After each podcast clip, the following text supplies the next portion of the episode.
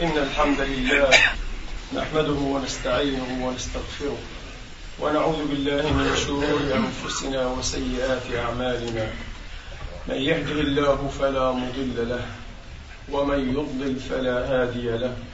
وأشهد أن لا إله إلا الله وحده لا شريك له. وأشهد أن سيدنا ونبينا وحبيبنا محمدا عبد الله ورسوله. وصفوته من خلقه وأمينه على وحيه ونجيبه من عباده. صلى الله تعالى عليه وعلى آله الطيبين الطاهرين وصحابته المباركين الميامين. واتباعهم بإحسان إلى يوم الدين وسلم تسليما كثيرا. عباد الله أوصيكم ونفسي الخاطئة بتقوى الله العظيم ولزوم طاعته. كما أحذركم وأحذر نفسي من عصيانه سبحانه ومخالفة أمره لقوله وقد جل من قائل من عمل صالحا فلنفسه ومن أساء فعليها وما ربك بظلام للعبيد. ثم أما بعد أيها الإخوة المسلمون الأفاضل أيتها الأخوات المسلمات الفاضلات يقول المولى الجليل سبحانه وتعالى في محكم التنزيل. بعد أن أعوذ بالله من الشيطان الرجيم. بسم الله الرحمن الرحيم.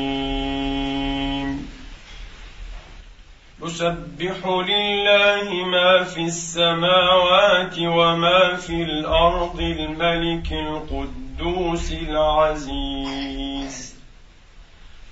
يسبح لله ما في السماوات وما في الأرض الملك القدوس العزيز الحكيم. هو الذي بعث في الأميين رسولا منهم يتلو عليهم آياته يتلو عليهم آياته ويزكيهم. ويعلمهم الكتاب والحكمة وإن كانوا من قبل لفي ضلال وإن كانوا من قبل لفي ضلال مبين وآخرين منهم لما يلحقوا بهم وهو العزيز الحكيم. ذلك فضل الله يؤتيه من يشاء. والله ذو الفضل العظيم. مثل الذين حملوا التوراة ثم لم يحملوها. حملوا التوراة ثم لم يحملوها كمثل الحمار. كمثل الحمار يحمل أسفارا. بئس مثل القوم الذين كذبوا بآيات الله. والله لا يهدي القوم الظالمين. صدق الله العظيم. وبلغ رسوله الكريم. ونحن على ذلك من الشاهدين. اللهم اجعلنا من شهداء الحق القائمين بالقسط آمين. اللهم آمين. أيها الإخوة الأحباب أيتها الأخوات الفاضلات قد أظلنا شهر ربيع شهر ميلاد أشرف الكائنات وفخر الموجودات خاتم الأنبياء والمرسلين ومالك أزمة أولياء الله الصالحين والمقربين سيدنا وحبيبنا ونبينا وعظيمنا. محمد صلى الله عليه وآله وأصحابه وسلم كلما ذكره الذاكرون وكلما غفل عن ذكره الغافلون. محمد الذي صار أحجية صار لغزا لهذا الغرب المشاكس المعاند التائه الحيران. لغزا أيها الإخوة في محبة أمته له. لغزا في تدلههم وولههم بعشقه. وحبه وتمدحه وتمثله صلى الله عليه وآله وأصحابه وسلم فليسوا يفهمون ليسوا يدركون سر هذه المحبة وسر هذا الوله ولغز ذاكم العشق لماذا؟ لا يعرف الشوق إلا من يكابده ولا الصبابة إلا من يعانيها أن لهم أن يقفوا على السر أيها الإخوة والأخوات وهم لم يدركوا ولو جانبا واحدا على حقيقته من جوانب هذه الشخصية الأعظم صلى الله عليه وآله وأصحابه وسلم. ونستعين بالله تبارك وتعالى في هذا المقام أيها الإخوة وفي هذه المناسبة لكي نضيء جوانب يسيرة من جوانب هذه الشخصية المركبة الثرية الخصبة الغنية وهي في كل ما نعتنا ووصفنا أيها الإخوة الحقيقة بأعلى صيغ التفضيل فهي الأغنى والأخصب والأثرى والأكثر تركيبا أيها الإخوة. وأول ما نبدأ به هو أنه لو قصد باحث أو دارس وعنا نفسه كثيرا وطويلا ليقف على قولة له عليه الصلاة والسلام. أو قولات أو كما نقول الآن مقولات أو قولات له عليه الصلاة وأفضل السلام مما نفثه قبل بعثته ونبوته الشريفة. وسار في الناس مسير النهار أو مسير الشمس لما ينطوي عليه من حكمة وسداد رأي. لا أعجزه ذلك. من منكم يحفظ قولة أثرها العرب أيها الإخوة عن رسول الله في جاهليته؟ إن كانت له جاهلية أصلا أي قبل نبوته بالأحرى أنا لا أحفظ هذا. من الذي يحفظ؟ لا أحد. وهذا شيء عجيب شيء عجيب.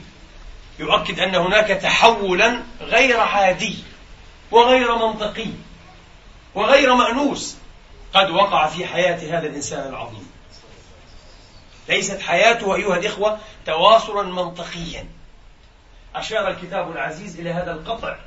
أيها الإخوة وإلى هذا الحدث المفاجئ المنشئ في مواضع من مثل قوله تبارك وتعالى ما كنت تدري ما الكتاب ولا الإيمان وكذلك أوحينا إليك روحا من أمرنا. ما كنت تدري ما الكتاب ولا الإيمان ولكن جعلناه نورا نهدي به من نشاء من عبادنا وإنك لتهدي إلى صراط مستقيم. ومن مثل قوله سبحانه وتعالى ووجدك ضالا. فهدى. ومن مثل قوله سبحانه وتعالى وإن كنت من قبله لمن الغافلين. إلا أن الرواة أيها الإخوة والمستكثرين من الأخبار والحكايا والقصص المتخيلة أبوا إلا أن يجعلوه عليه الصلاة وأفضل السلام نبيا أو ثلاثة أرباع نبي قبل حتى أن يولد. فهناك قصص وحكايا وروايات وأخبار وأحاديث وآثار تتحدث أيها الإخوة عن جوانب الإعجاز في حمل أمه الشريفة به وعن جوانب الإعجاز الجوانب الخوارقية العجائبية في ميلاده الميمون وكيف بشرت به الأرواح الشريفة الطاهرة أرواح الأنبياء أيها الإخوة الصديقين بنبوته لكنه كان هو يجهل ذلك نحن نعلمه لكنه كان يجهله. ماذا الخفض والخلط؟ لم يكن أحد يعلم ذلك. لم يشعر أحد بذلك. لقد فجأه الوحي. لقد فوجئ هو عليه الصلاة وأفضل السلام لأول عهده بهبوط الوحي الكريم الناموس عليه وظن أنه أصابته لمة من الشيطان. مس. ظن أنه أيها الإخوة لحقه عارض العالم السفلي إلا أن زوجه الكاملة المكملة خديجة عليه السلام طمأنته وهدأت أيها الإخوة وخففت عليه حين قالت له لا والله لا يخزيك الله أبدا ليس مثلك. أن يعرض له شيء من الشيطان. لقد كان متفاجئا تماما لأنه عليه الصلاة وأفضل السلام مع أخذنا في الاعتبار عفته وصدقه وأمانته وهذا ما تميز به.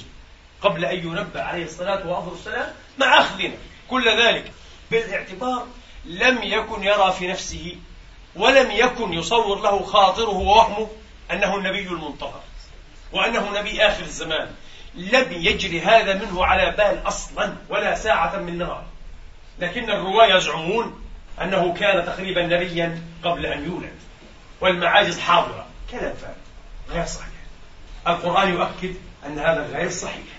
لم يكن هناك ما يميز ما يرهص باستثناء الفترة البسيطة وهي الستة الأشهر التي سبقت هبوط الوحي الكريم عليه. أيها الإخوة وأعني بذلك بهذه الستة الأشهر ما كان قد يسر له من الرؤيا الصالحة التي كانت تأتي كفلق الفجر. باستثناء هذا لم يكن هناك ما أرهص بنبوته. عليه الصلاة والسلام. وهذا مهم جدا أيها الإخوة. أن نؤكده. لأنني أيها الإخوة أرى ولا زلت أرى هذا أننا نحن المسلمين ومن باب حسن النية ومن باب محبة رسول الله عليه الصلاة والسلام نسيء إليه كثيرا دون أن نشعر. مثل هذه المرويات مثل هذه الحكاية والأخبار أيها الإخوة والمتخيلات تتيح بل تسوغ لأي متشكك. لأي مستشرق.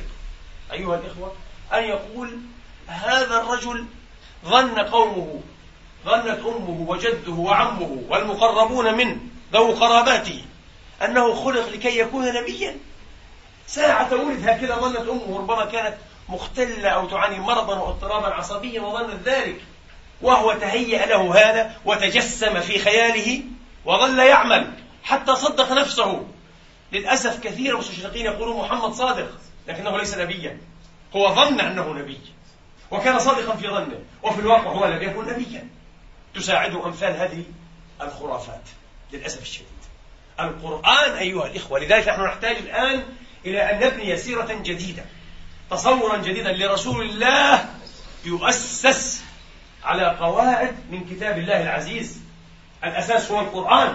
القرآن يقول ما كنت تدري ما الكتاب والإيمان وإن كنت من قبل لمن الغافلين.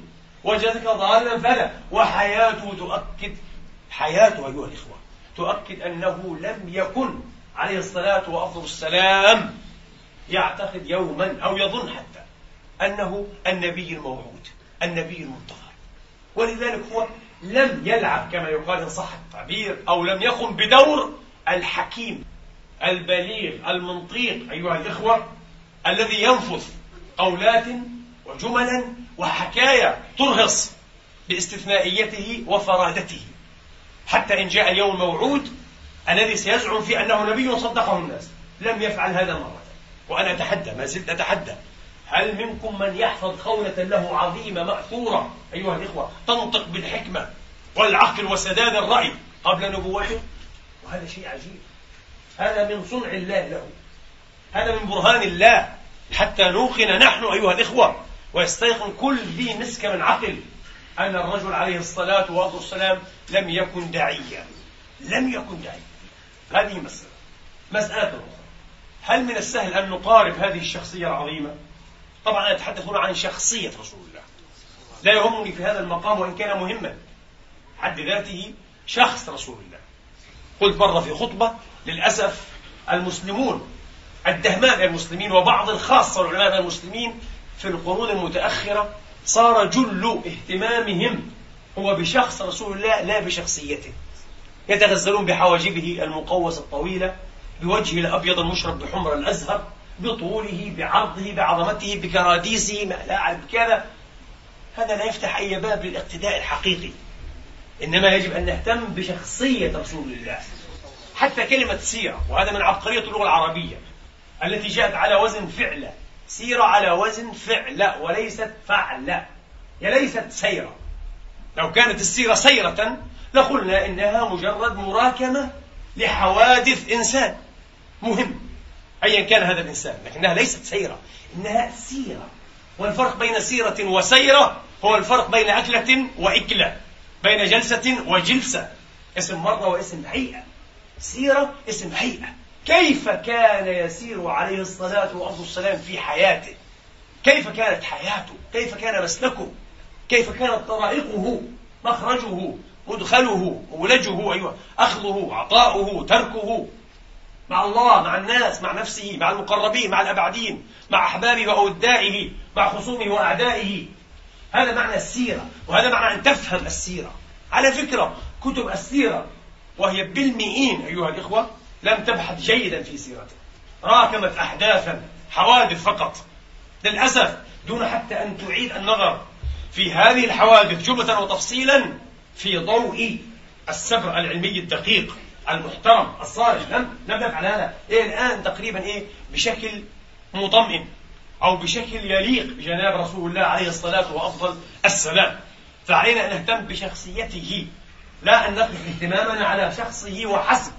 هذا غير كاف وغير منتج في باب التربية والتعليم أيها الأخوة. فهل من السهل مقاربة هذه الشخصية العظيمة؟ لا. يستطيع زائم أن يزعم أن من السهولة بمكان مقاربة هذه الشخصية. تعلمون لماذا؟ لفرادتها. كل ما تفرد تصعب مقاربته. ومن هنا ما قدر الله حق قدره. لأن أعظم متفرد هو رب العزة لا إله الذي ليس كمثله شيء. فهل مثل محمد أشخاص كثيرون؟ أو شخصيات كثيرة؟ إنه نسيج وحده. له عالم بذاته. وبلغة بسيطة أيها الإخوة لكنها ستفتح مجالا لتحليل فلسفي عميق جدا. لقد كان عليه الصلاة والسلام مقياس نفسه معيار ذاته. كيف؟ ما معنى أنه كان مقياس نفسه؟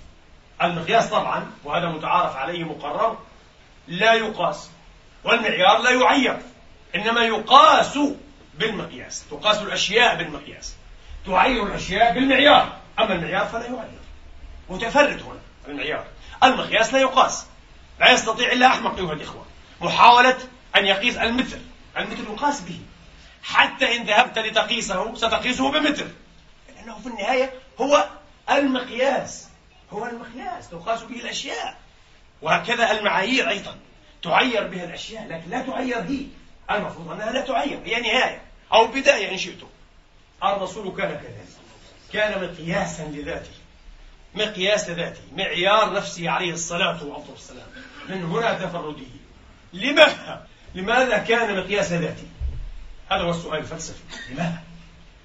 الجواب بسيط أيها الإخوة لكنه عميق جدا. لانعدام المسافة بين قوله وفعله.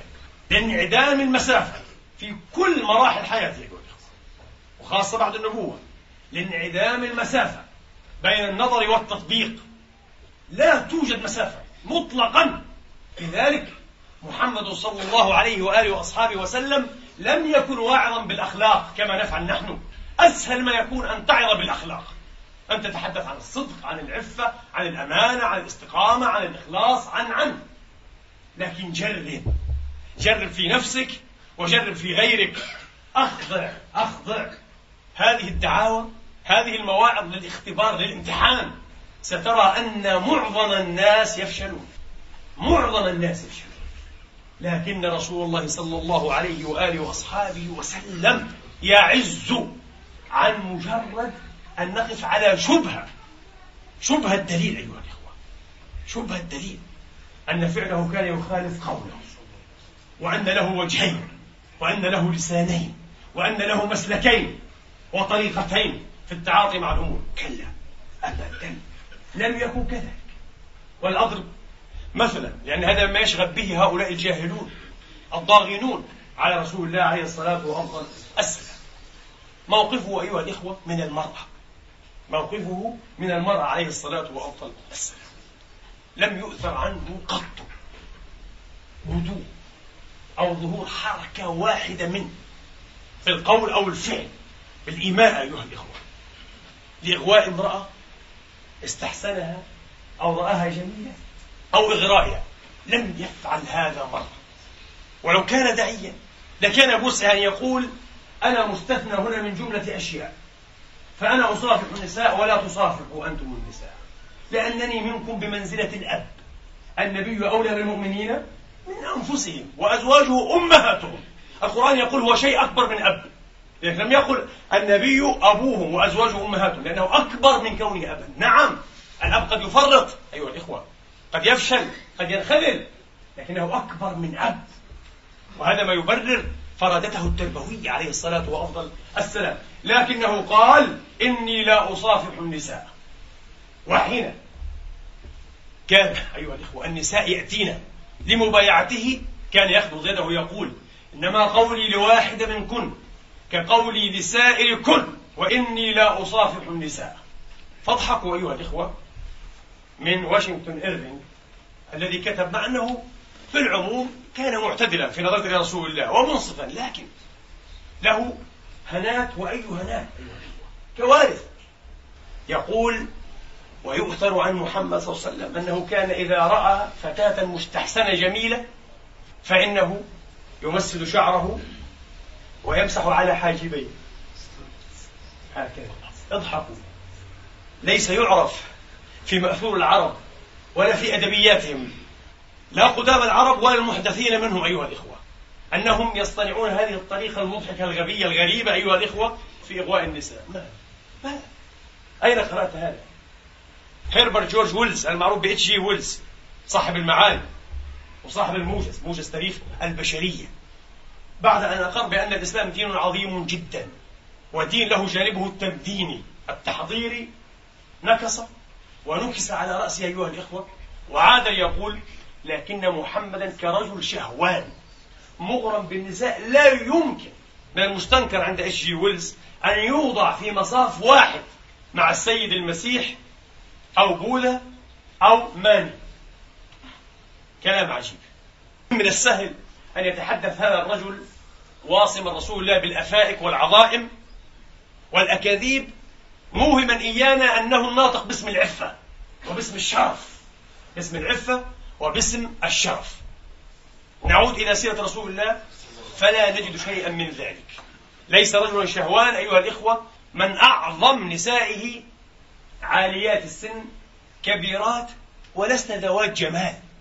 وقد كان بوسعه صلى الله عليه وسلم أن يتزوج أجمل وأحسن النساء وأصغرهن سنا والناس يتشرفون بهذا. لكنه لم يفعل عليه الصلاة والسلام. لا نريد أن نناقش هذه المسألة معروفة والكل يعرف الجواب عنها أيها لكن الذي أحب أن أقوله بالعودة إلى كتاب ويلز نفسه الذي أرخ فيه لحياته اسمه Experiment in Autobiography تجربة في الترجمة الذاتية. كتب كتابا يترجم فيه نفسه هذا المؤرخ الفيلسوف الكبير الذي ظن أنه يستطيع أن يعطي ويمنح البشرية طوق النجاة وهو من الذين كتبوا في اللغة العالمية. المهم هذا الرجل كتب عن نفسه وخاصة في الباب السابع الفصل الثاني منه بشكل واضح يتحدث عن فتكاته ومغامراته وكيف تكررت خيانته لزوجته أكثر من مرة. لم يتورع حتى إيه؟ من أن يعترف بهذه الحقيقة التي تلطخ سمعة الإنسان. لم يستح من ذلك. عن أي عفة إذا يتحدث مثل هذا الإنسان القزم؟ كبير في علم التاريخ وقزم في الأخلاق قزم في المسلك. مسلكه مسلك إيه؟ الأخزام ومتسولي المتع ومختلسي اللذائذ أيها الإخوة. وتحدث عن تجربته مع نانسي التي جاءت تساعده في مكتبه في بيته فاختلس معها ساعة والعياذ بالله من خيانة لأن زوجته لم تكن ثمت ليس مثلك يا ويلز من يتكلم عن عنوان الطهر أيها الإخوة ومثال العفة صلى الله عليه وآله وأصحابه وسلم. هؤلاء ما عرفوا محمدا. يتحدثون عن محمد من نسج خيالاتهم ويصدقون أنفسهم. كما قال المتنبي تخيل فخان تخيل فخان هؤلاء تخيلوا وصدقوا النبي كان شيئا مختلفا جدا صلى الله عليه وآله وأصحابه وسلم. إذا أيها الإخوة من الصعب مقاربة الرسول لأنه رجل متفرد نسيج وحده مقياس ذاته ولذلك. إذا أردت أن تقاربه لا بد أن تقاربه قدر المستطاع وأنت خلو من الخلفيات. لا تأتي لكي تعير الرسول بمفاهيمك بعاداتك بمبادئك بدراساتك بنماذجك التحليلية العلمية. لا لن تستطيع. من الصعب جدا لأنك تفعل ذلك حين تفعله. وأنت ماذا؟ وأنت خاضع لورطة تعيير الرسول وقياس الرسول دائما بمن هم أدنى منه وأصغر منه هل يقاس النبي أيها الإخوة بأي كاهن بأي راهب بأي صوفي زاهد بأي عالم بأي متكلم مستحيل. على هؤلاء جميعا أن يقاسوا به لكن هو لا يقاس على أحد صلى الله عليه وآله وأصحابه وسلم. وهذا بعض معنى قوله لقد كان لكم في رسول الله أسوة. هو المقياس والكل عين عليه عليه الصلاة وأفضل السلام ولذلك أيها الإخوة أنتقل من هذه النقطة إلى نقطة ثانية لها. لون اعتلاق بها. وهي أن الناس في الشرق والغرب وأنا الآن أتحدث عن خصوص المسلمين لهم موقفان مستقطبان متقابلان.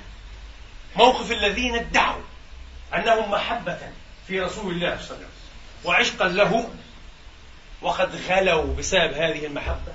وهذا العشق هؤلاء أيها الإخوة تورطوا في خلع صفات إلهية تقريبا على رسول الله.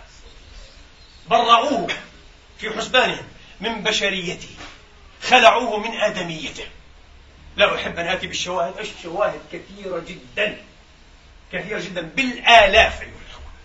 وهؤلاء ظنوا ظنوا أنهم إنما أحسنوا إليه وبرهنوا على محبتهم له صلى الله عليه وآله وأصحابه وسلم.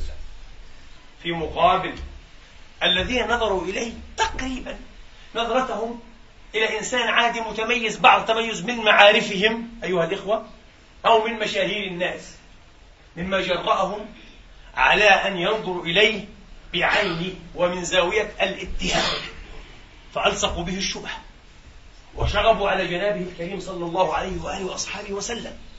ثم عادوا يشعرون بالعزاء لأنه إن كان محمد بهذه المثابة وله هذه السقطات وبدت منه هذه الغلطات فنحن على خير عظيم إذن لأن أخطاء العظماء أعزاء التافهين من الناس. هذا موقف وهذا موقف. لا شك أن هؤلاء أساءوا إليه وأن هؤلاء أيضا فعلوها. لكن الآخرين أيها الإخوة إنما فعلوها عن سوء قصد عن نية مدخولة. أما الأولون فقد فعلوها أيها الإخوة جهلا وربما عن حسن نية. لكن نحن نرى أن الفريقين جميعا قد أساءوا إلى رسول الله.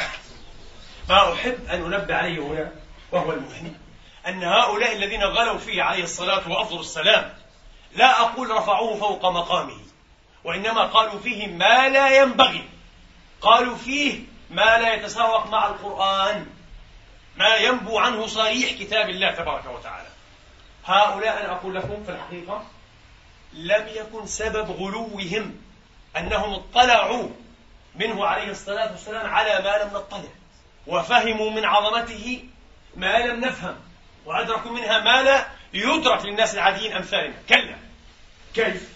بل لي أن أزعم أيها الإخوة ولكم أن تناقشوني في هذا أنهم إنما فعلوا ذلك استجابة وتناغما مع نزوع وثني في نفوسهم. كيف نزوع وثني؟ نعم نزوع إلى تأليه الأشخاص رفع الأشخاص إلى مثابة إلهية تقريبا. بحيث يكونون في طبق أو في مصاف بين الله وبين الناس. لهم آلهة كاملة أيها الإخوة ولهم بشر عاديون.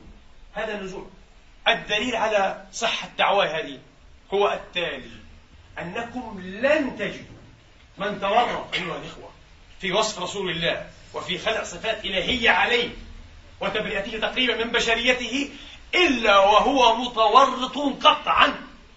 في سلوك نفس المسلك مع أشخاص آخرين أقل من رسول الله بكثير.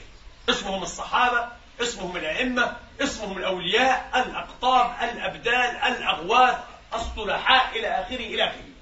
أبدا دائما هذا يتحقق أيها الإخوة. ولذلك هذا النزوع نحن لا نحبذه ولا نسايره ونزوع خطير. يبدو أن مسيرة الأديان أيها الإخوة السماوية بالذات تؤكد أن خط تقدمها ليس خطا صاعدا بل هو متأرجح بندولي بل هو متأرجح بندولي بمعنى أن الناس يرتقون في فترة من الفترات إلى صفاء التوحيد ونقاوته وتجريديته. لكن بعضهم على الأقل بعد ذلك يرتكسون ليعيدوا إيه؟ الوثنية سيرتها الأولى. لكن عبر خطوات طبعا متدرجة. تبدأ بماذا؟ تبدأ من هذه النقطة بالذات. رفع ناس مخصوصين إلى مرتبة ليست تليق بالبشر. إلى مرتبة تنازع فيها إيه؟ الإلهية بعض خصائصها وصفاتها. ومن هنا ينشأ إيه؟ أيها الإخوة الشرك. إعادة الحياة إلى الوثنية من جديد. بعد ذلك أيها الإخوة حين تصل هذه الوثنية إلى قعرها وقاعها تبرز ضرورة استعادة التوحيد في صفائه. حربا مع هذه الوثنية. وهكذا المسألة تتكرر باستمرار. هناك نصوص عن رسول الله صحيحة بالعشرات تؤكد أننا كمسلمين وأن الإسلام أيضا كدين سماوي توحيدي ليس في منجاة وليس معصوما من أن يطرأ عليه ما طرأ على الأديان الأخرى. وهذا ما حصل. وهذا ما يحصل إلى اليوم أيضا. فانتبهوا. الصحيح من أحب محمدا فليحب محمدا القرآني. الرباني كما هو من غير غلو ولا جفاء. هؤلاء غلوا فيه وهؤلاء جفوا عنه. والحق دائما وسط بين طرفي الغلو والجفاء. نسأل الله يقيمنا على خطة التوسط. مما تميز به صلى الله عليه وآله وأصحابه وسلم أيها الإخوة تعدد جوانبه كما قلنا ثراء شخصيته التعدد الهائل للأدوار التي اطلع بها في حياته. لا يمكن أن نجد نبيا أو رسولا. وحديث عن الأنبياء والرسل. غيره صلى الله عليه وسلم ينطبق عليه هذا الوصف. مستحيل. بعض الأنبياء لعبوا دورا سياسيا كانوا ملوكا. وفي البخاري كانت بنو إسرائيل تسوسهم الأنبياء. نعم. بعضهم كانوا مياسير بعضهم كانوا دعاة ناجحين بعضهم أدوا الشهادة من دمهم أيها الإخوة في سبيل رسالتهم. وبعض وبعض. رسول الله صلى الله عليه وسلم كان شيئا متكاملا وكما هو معلوم اطلع بدور السياسي بدور العسكري بدور المصلح الاجتماعي بدور المبلغ الصادق الأمين بدور المفتي بدور القاضي أيها الإخوة بدور الأب بدور الزوج بدور الجد بدور الصديق الوفي. وخبر تقريبا كل خبرات الحياة المتاحة عرف الفرح وعرف الحزن. عرف النصر وعرف الهزيمة عرف من يحبه وعرف من يعاديه ويخنقه صلى الله عليه وسلم. عرف الفقد. عرف الفقد. فقد أحب الناس إليه. عرف هذا. عرف النعمة وعرف المصيبة صلى الله عليه وسلم. كل هذه الخبرات اجتمعت في شخصية واحدة وهذا شيء عجيب أيضا. وهذا أيضا ما يجعله نسيج وحده ومن الصعب أن يقاس وإنما يقاس عليه في بعض وجوهه صلى الله عليه وآله وأصحابه وسلم. هذه مقدمة لموضوع يحتاج إلى درس بخصوصه أيها الإخوة ما هو؟ سأضرب مثالا واحدا فقط الأمثلة كثيرة أيضا. لا أعتقد أن منا من لم يسمع بقوله تبارك وتعالى ولكم في القصاص حياة يا أولي الألباب. الكل يعرف هذا. أو بمثل قوله في الصحيح أيها الإخوة لا يحل دم امرئ مسلم إلا بإحدى ثلاث وذكر منها النفس بالنفس القصاص كل أحد يعرف هذا. طبعا رجال القانون والقضاء يعرفون هذا جيدا. دعاة تطبيق الشريعة بمعنى الجانب المختزل الجانب الجنائي من الشريعة أو العقاب أيها الإخوة يعرفون هذا تماما يحذقونه جيدا. لكن ما لا يعرفه أكثر هؤلاء أو بعض هؤلاء وربما لم يسمعه أكثرنا التالي ما هو؟ طبعا المسيحيون يدلون علينا أن نبيكم جانبه الأعظم الأكثر فقاعة هو جانب القسوة الجانب القانوني. الجانب القانوني. ليس هناك الرحمة. والتساهل أيها الإخوة. ويتحدثون عن عيسى عليه الصلاة وأفضل السلام حين رأى جماعة وقد تجمهروا حول امرأة فسألهم فقالوا هذه زنت ولا بد أن يقام عليها الناموس ناموس التوراة الرجل بالحجارة هذه عقوبة توراتية بلا شك في التوراة ثابتة في مواضع كثيرة خاصة في سفر التثنية لا بد أن يقام عليه الناموس. فتقدم عيسى عليه السلام وقال لهم من كان منكم بغير خطيئة فليرجمها بحجر أو قال فليرميها بحجر. فتأخروا جميعا. لأن الكل يعلم أنه كان إيه خاطئا بل خطاء. ثم قال لها بعد أن تفرق أكثر هؤلاء واستحيوا. يا امرأة هل ثمت من أدانك أو من دانك بالأحرى؟ فقالت كلا قال وأنا أيضا لا أدينك. اذهبي ولا تعودي إلى الخطيئة يا امرأة. قال هذا نبينا؟ طبعا هو إله أصلا هو عظيم. هذا عيسى. أما محمد فلا يعرف إلا القتل وقطع الرؤوس والرجم حتى الموت. هذا غير صحيح. للأسف نحن الذين أسأنا بالإجتزائية. هذه الاجتزائية يخدمها إثنان كسول ومتخصص. الاجتزائية أيها الإخوة في تصوير الأشخاص والحقائق والأحداث يخدمها إثنان كسول اجتزى واكتفى بما سمع أو بما تسومع به. والمتخصص الذي لا يدرك دائما إلا جانبا واحدا إدراكا لكن ميكروسكوبيا أيها الإخوة معظما ويغفل عن سائر الجوانب التي تتم بها الصورة وتقبل بها إيه؟ الحقيقة. فاسمعوا هذا الحديث العجب وهو حديث صحيح. وإسناده ليس فيه مطعن ولا مغمز الذي أخرجه مسلم في صحيحه. بإسناده عن علقمة بن وائل أي وائل بن حجر الكندي الصحابي المعروف عن علقمة بن وائل رضي الله عنه وأرضاهم أجمعين. قال إني لقاعد عند رسول الله صلى الله عليه وآله وأصحابه وسلم إذ جاء رجل يجر رجلا آخر بنسعة والنسعة هي حبل أيها الإخوة من جلد مضفور. الجلد حين يظهر ضفرا يسمى نسعة هذا الحبل. ليس حبلا عاديا من ليف أو كذا.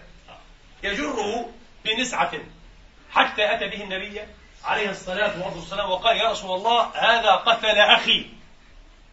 فسأل النبي المتهم قال أقتلته؟ قال أي ولي المقتول أخوه أخو المقتول أو القتيل. قال يا رسول الله يا رسول الله لو لم يعترف أقمت عليه البينة في بينه في شهود لكن هو اعترف والشهود موجودون رأوه إيه يقتل أخي الأبعد لو لم يعترف أقمت عليه البينة.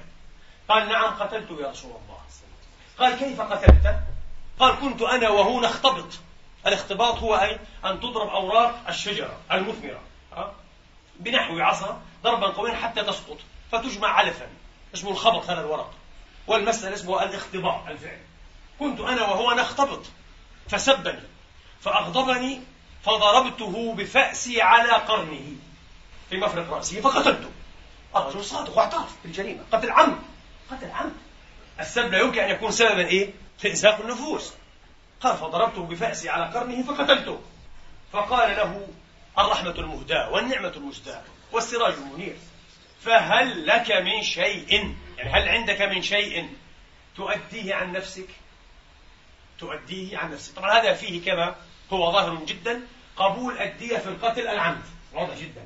وفيه ما يخالف المشهور مما ينسب إلى النبي المبرور صلى الله عليه وسلم من قوله تعافوا الحدود فيما بينكم فما بلغ السلطان من حد فقد وجب. هذا الحديث يزيف هذا القول غير صحيح. هذا حد وقتل عمد أفظع الجرائم والعياذ بالله وبلغ النبي. والنبي يحاول ماذا؟ الصلح. ويحاول حتى إيه؟ أن يدعو إلى العفو كما سيأتي بعد قليل. هل عندك أو هل لك ما تؤدي؟ من شيء تؤديه عن نفسك؟ قال يا رسول الله ما عندي إلا كسائي هذا وفأسي. هذا مستحيل. قال فهل ترى قومك يشترونك؟ أهلك قبيلتك. ممكن يعني أن يدفعوا الدية؟ قال يا رسول الله أنا أهون عندهم من ذاك. هذا إنسان محقور مزري عليه. لا يمكن أن يدفعوا دية إيه؟ لأجل إيه؟ استنقاذي. قال أنا يا رسول الله إيه؟ أهون عليهم من ذاك. فرمى النبي بالنسعة كانت في يده وقال دونك صاحبك. قال لولي إيه؟ القتيل صاحب الدم يعني آه لأخيه.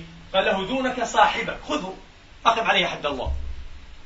فذهب به الرجل فلما ولى قال عليه الصلاة وأفضل السلام. إن قتله فهو مثله. الله أكبر. إن قتله فهو مثله. قاتل. فهذا الرجل. هنا في حد يعني بلغته المقولة فعاد قال يا رسول الله بلغني أنك قلت إن قتله فهو مثله. قال نعم. أما تريد أن يبوء بإثمك وإثم صاحبك؟ قال يا رسول الله بين قوسين قال الراوي لعله قال بلى. قال فذاك بذاك. فرمى نسعته وخلى سبيله. هذا حديث أنا متأكد أنه مشكل جدا على رجال القانون على رجال القضاء. على الداعين لتطبيق الحدود بالطريقة الفظة التي إيه يتصورونها وسيقعون في حيص بيص في حيص بيص وخاصة أنا نسيت هذا أسقطه عفوا أن رجل قال يا رسول الله بلغني أنك قلت وأخذته بأمرك. أنت خذ لي دونك صاحبك. والنص حاضر عتيد من كتاب الله ولكم في القصاص حياة. النفس بالنفس. لماذا أكون مثله؟ الأعجب من هذا أن في الصحيح في مسلم رواية أخرى عن نفس الراوي التابع الجيل هذا علقة بن وائل بن حجر الكندي يقول النبي فيها القاتل والمقتول في النار. شيء غريب جدا. الآن لا أريد أن أعرض لما قال العلماء وتكلفوا في الجواب عن هذا القول النبوي العظيم. لكن ما أحب أن أذكر به هنا وأذكره أيها الإخوة. أنه ما لم يكن لك عقلية عالم نفس محترمة وذهنية محلل اجتماعي كبير. ورؤية فيلسوف وقلب شاعر لن تستطيع أن تتعاطى مع أمثال هذه النصوص. الأسهل دائما الأسهل والأيسر أن تتعاطى بجفاف التشريع والقول أو التقنية القانون. قالت يقتل وانتهى كل شيء وهذا أمر الله. ما بعد ذلك ما دون ذلك أيها الإخوة ها من الأسباب من الشرائط من الظروف من أشياء كثيرة لا دخل لك به تساهل. حديث ماعز وهو من أشهر الأحاديث. الكل إن تكلم عن الرجم فإنما يستدعي دائما حديث ماعز. ما الذي حصل مع ماعز؟ وهذا في الصحيح. حين رجم بالحجر يقول الراوي فلما أذلقته الحجارة شعران. بحماوتها وحرارة إيه؟ الضرب أيها الإخوة هرب. فأدركناه بالحرة. فرجمناه. هناك تفصيل في بعض الأحاديث كيف أدرك أيضا. على كل. فلما بلغ هذا الأمر النبي قال هل لا تركتموه؟ طب هو هرب. هل لا تركتموه يتوب فيتوب الله عليه. لماذا؟ وهذا في الصحيح. وهذا؟ نص صحيح صحيح.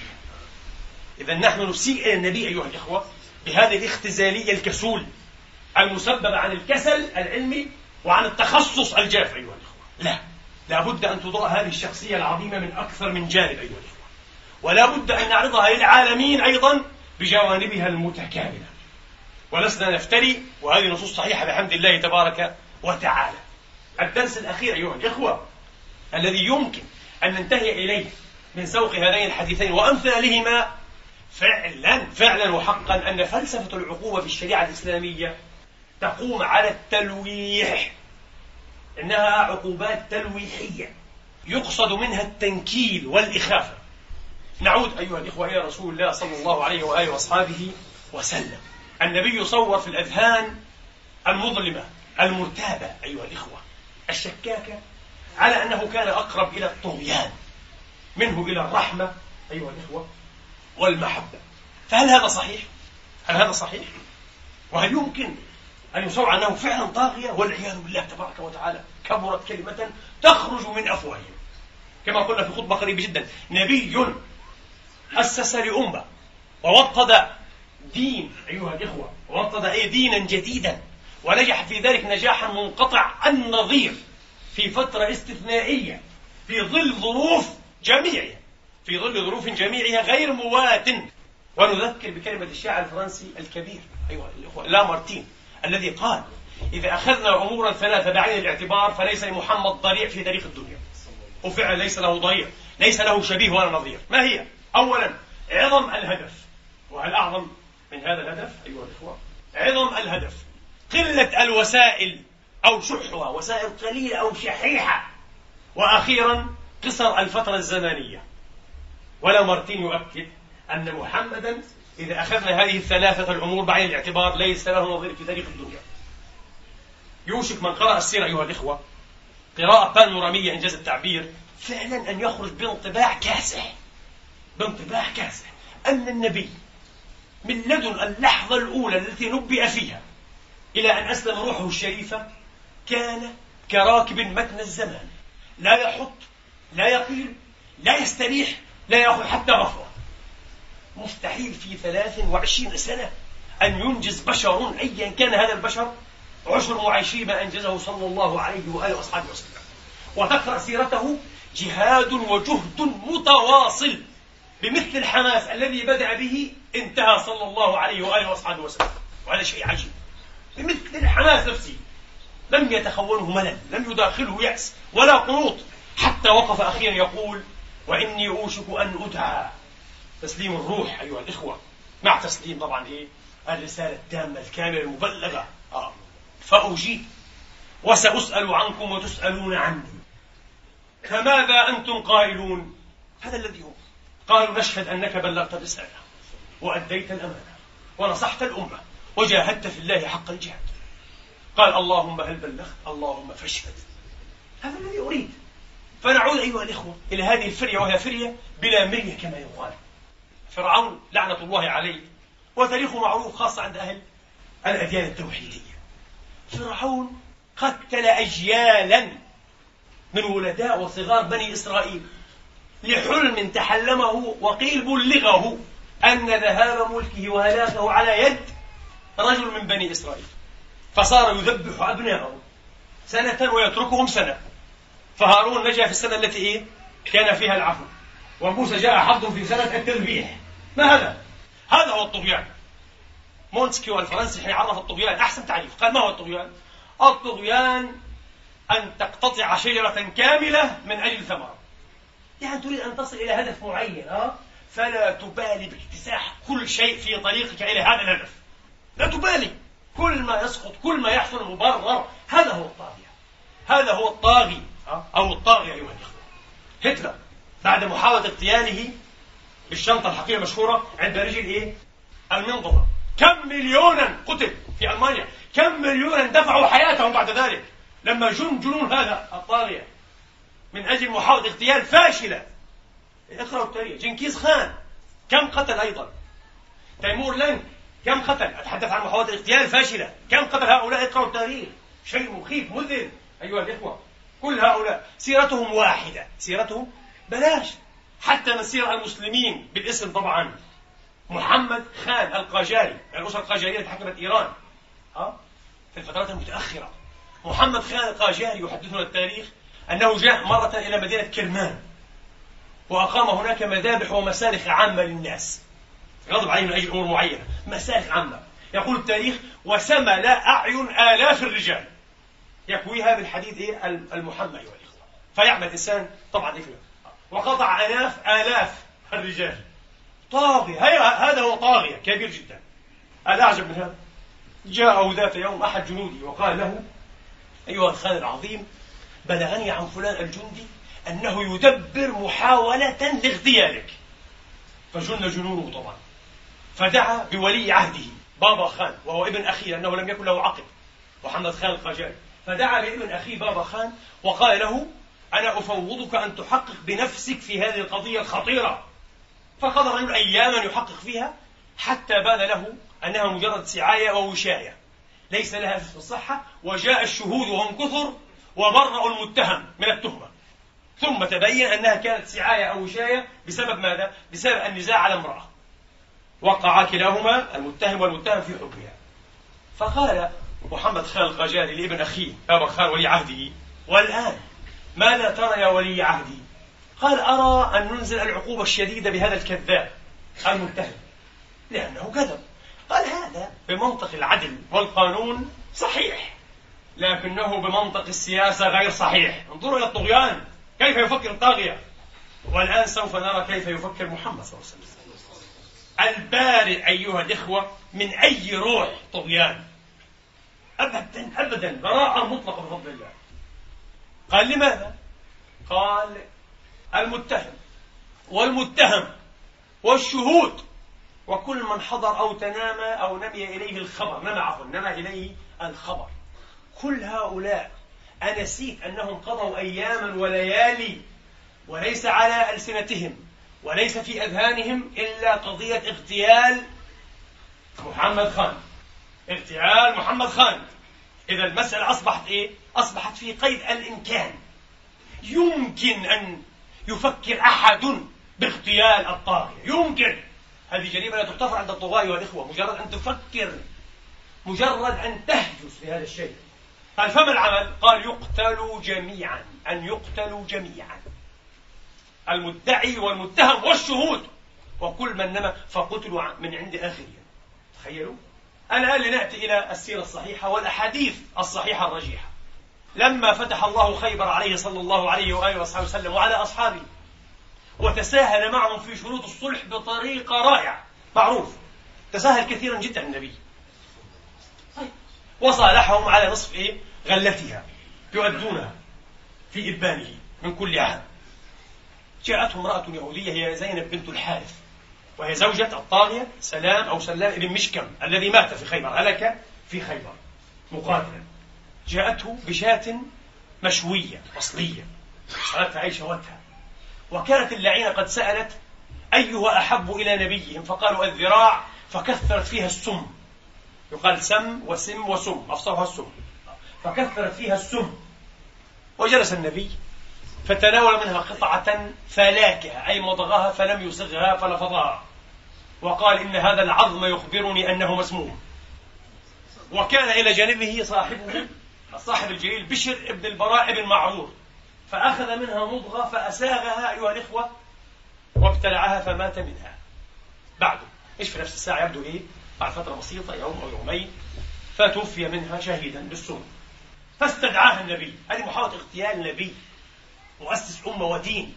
مش حاكم إيران ولا حاكم في بلدة معينة. النبي عليه السلام. سننظر الطاغية. الذي يزعم أنه طاغية وأنه لا رحمة. الرحمة لا تعرف سبيل إلى قلبه الشريف العظيم. فاستدعى. هذه المرأة فجاءت فمثل بين يديه فقال ما الذي حملك على ما صنعت؟ قالت يا محمد قد بلغت من قومي ما لا يخفى عليك. أنت تعرف ماذا أنت؟ فعلت في قومي. أذلت عنوفنا وأرهقتنا وفتحت حصوننا وفرضت علينا هذه الجزية. صلح قد بلغت من قومي ما لا يخفى عليك. فقلت إن يكن كاذبا نسترح منه وإن يكن نبيا حقا فسيخبر. نوع من المنطق لو كان نبيا صدقا طبعا وهذا المنطق مدخول لأنها نسيت أنها حفيدة قتلة الأنبياء والمرسلين مع كونهم أنبياء ومرسلين. النبي ليس من شرطه أن يكون إيه؟ معصوما من القتل. لكن محمدا بالذات له هذه العصمة. قال تعالى والله يعصمك من الناس. وبعدها تخلى حتى عن حراسته. استثناء. وفعلا عصم وعصم من هذه اللعينة. تقول الرواية أيها الإخوة فعفى عنها. الله أكبر. في رواية أخرى بعدما مات بشر بن البراء المعرور قتلها به قصاصا لم يقتل رجال خيبر ولا نساء خيبر ولم يحرق عليهم ولم يأخذ البريء بالجاني أيها الإخوة مثل هذا يقال إنه طاغية فيه شيء من طغيان صلى الله عليه وآله وأصحابه وسلم. قد علمنا ما فعل رأس النفاق معه وكيف انسحب بزهاء ثلث الجيش أو أكثر من أحد وعرضهم لهزيمة أيها الإخوة منكرة. ولما استأذن الصحابة وفيهم ابن عبد الله نفسه بقتل هذا المنافق الكبير المارد العدي قال صلى الله عليه وسلم أتحبون أن يتحدث الناس أن محمدا يقتل أصحابه؟ بل نحسن صحبته ما دام بيننا. أين روح الطغيان؟ اللهم إن هذا إفك مبين. هو الإفك نفسه أقول قولي هذا وأستغفر الله لي ولكم. فاستغفروه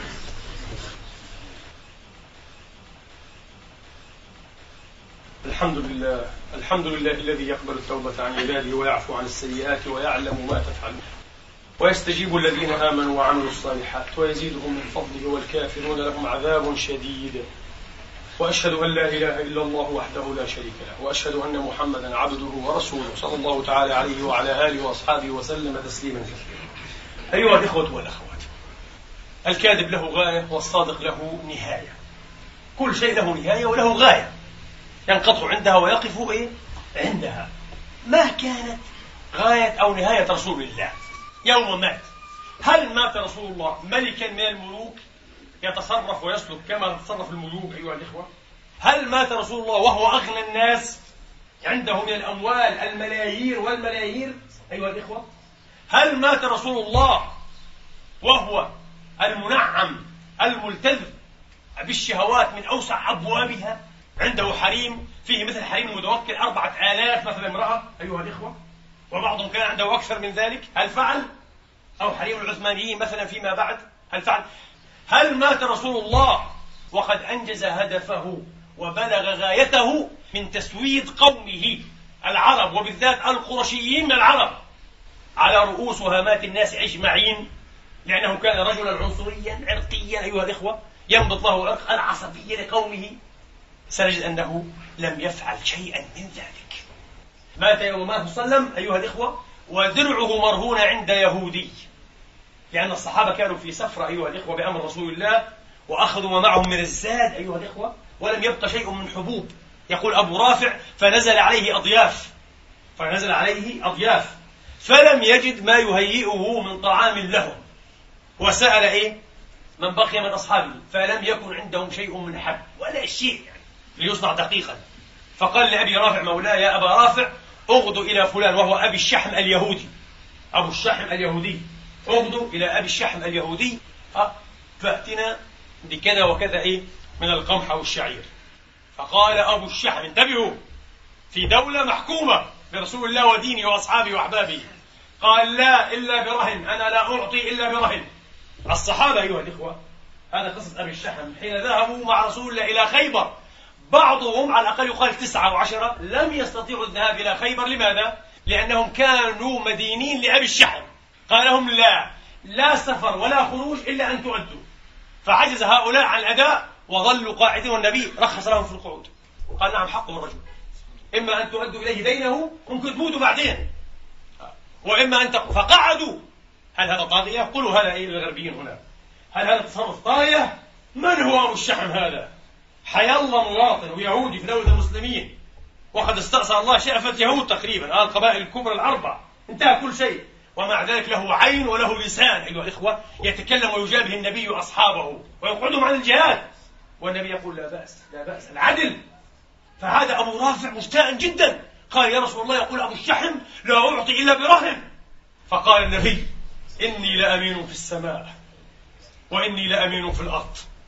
اذهب بدرعي يا أبا رافع. الله أكبر. وكان لديه صلى الله عليه وسلم ثلاثة دروع. اذهب بدرعي وأعطيها إيه؟ استودعها أبا الشحم. وهكذا أخذ القمح أو الشعير أيها الإخوة خمسة أوساق من شعير وهيأ بها طعاما لهذا الضيف ضيف رسول الله. نعم المضيف صلى الله عليه وسلم. وتوفي بعد ودرعه لا تزال في رهن أبي الشحم اليهودي. الله أكبر. ولذلك على مناسبة أو بمناسبة ذكر خيبر النبي ولى عبد الله بن رواحة الصحابي الشاعر الشهيد بعد ذلك في مؤتة. ولاه تحصيل كان مصدقا يحصل إيه؟ يحصل ما اتفق عليه نصف الغلة. فجاءهم مرة فحاولوا رشوته. فغضب غضبا شديدا. قال ترشونني؟ تريدون أن تطعموني على الحرام؟ وقد جئتكم من عندي أحب الناس إلي ولأنتم أبغض عندي من القردة والخنازير. ولكن بغضي إياكم لا يمنعني لا يمنعني من أن أعدل فيكم. فسأعدل ولا أظلمكم فرفعوا أيديهم مفتهين وقالوا هذا هو العدل الذي قامت به السماوات والأرض. وعرفوا أن المستقبل للإسلام لمحمد ولأصحاب محمد. هذه روح محمد هذه مدرسة محمد هذه مآثر محمد التي لا تحصى ولا تستقصى. اللهم صل وسلم وبارك عليه في الأولين. وصل وسلم وبارك عليه في الآخرين وصل وسلم وبارك عليه في الملأ الأعلى إلى يوم الدين. اللهم أحنا على سنته وأمتنا على ملته واحشرنا يوم القيامة في زمرته وتحت لوائه. اللهم شفعه فينا صلى الله عليه وآله وأصحابه وسلم. واسقنا بيده الشريفة شربة لا نظمأ بعدها أبدا. اللهم أحسن بنا وأحسن إلينا وبارك فينا وبارك علينا. اللهم أصلحنا بما أصلحت به عبادك الصالحين. اهدنا واهد بنا واجعلنا مفاتيح الخير مغاليق الشر بعزتك وقدرتك ولطفك ورحمتك. إلهنا ومولانا رب العالمين. نسألك ونبتهل إليك بأسمائك الحسنى وصفاتك العلى وكلماتك التامة التي لا يجاوزهن بر ولا فاجر. أن تنصر الإسلام وأن تعز المسلمين وأن تعلي بفضلك كلمة الحق والدين. اللهم انصر من نصر المسلمين واخذل من خذل المسلمين. اللهم عليك بأعدائنا أعدائك أعداء الدين. اللهم أحصهم عددا. وأهلكهم بددا ولا تبق منهم أحدا. اللهم إنا ندرأ بك في نحورهم فاكفنا شرورهم بما شئت كيف شئت يا رب العالمين. عباد الله إن الله يأمر بالعدل والإحسان وإيتاء ذي القربى وينهى عن الفحشاء والمنكر والبغي. يعظكم لعلكم تذكرون. اذكروا الله العظيم يذكركم واشكروه على نعمه يزدكم. وسلوه من فضله يعطكم وقوموا إلى صلاتكم. والحمد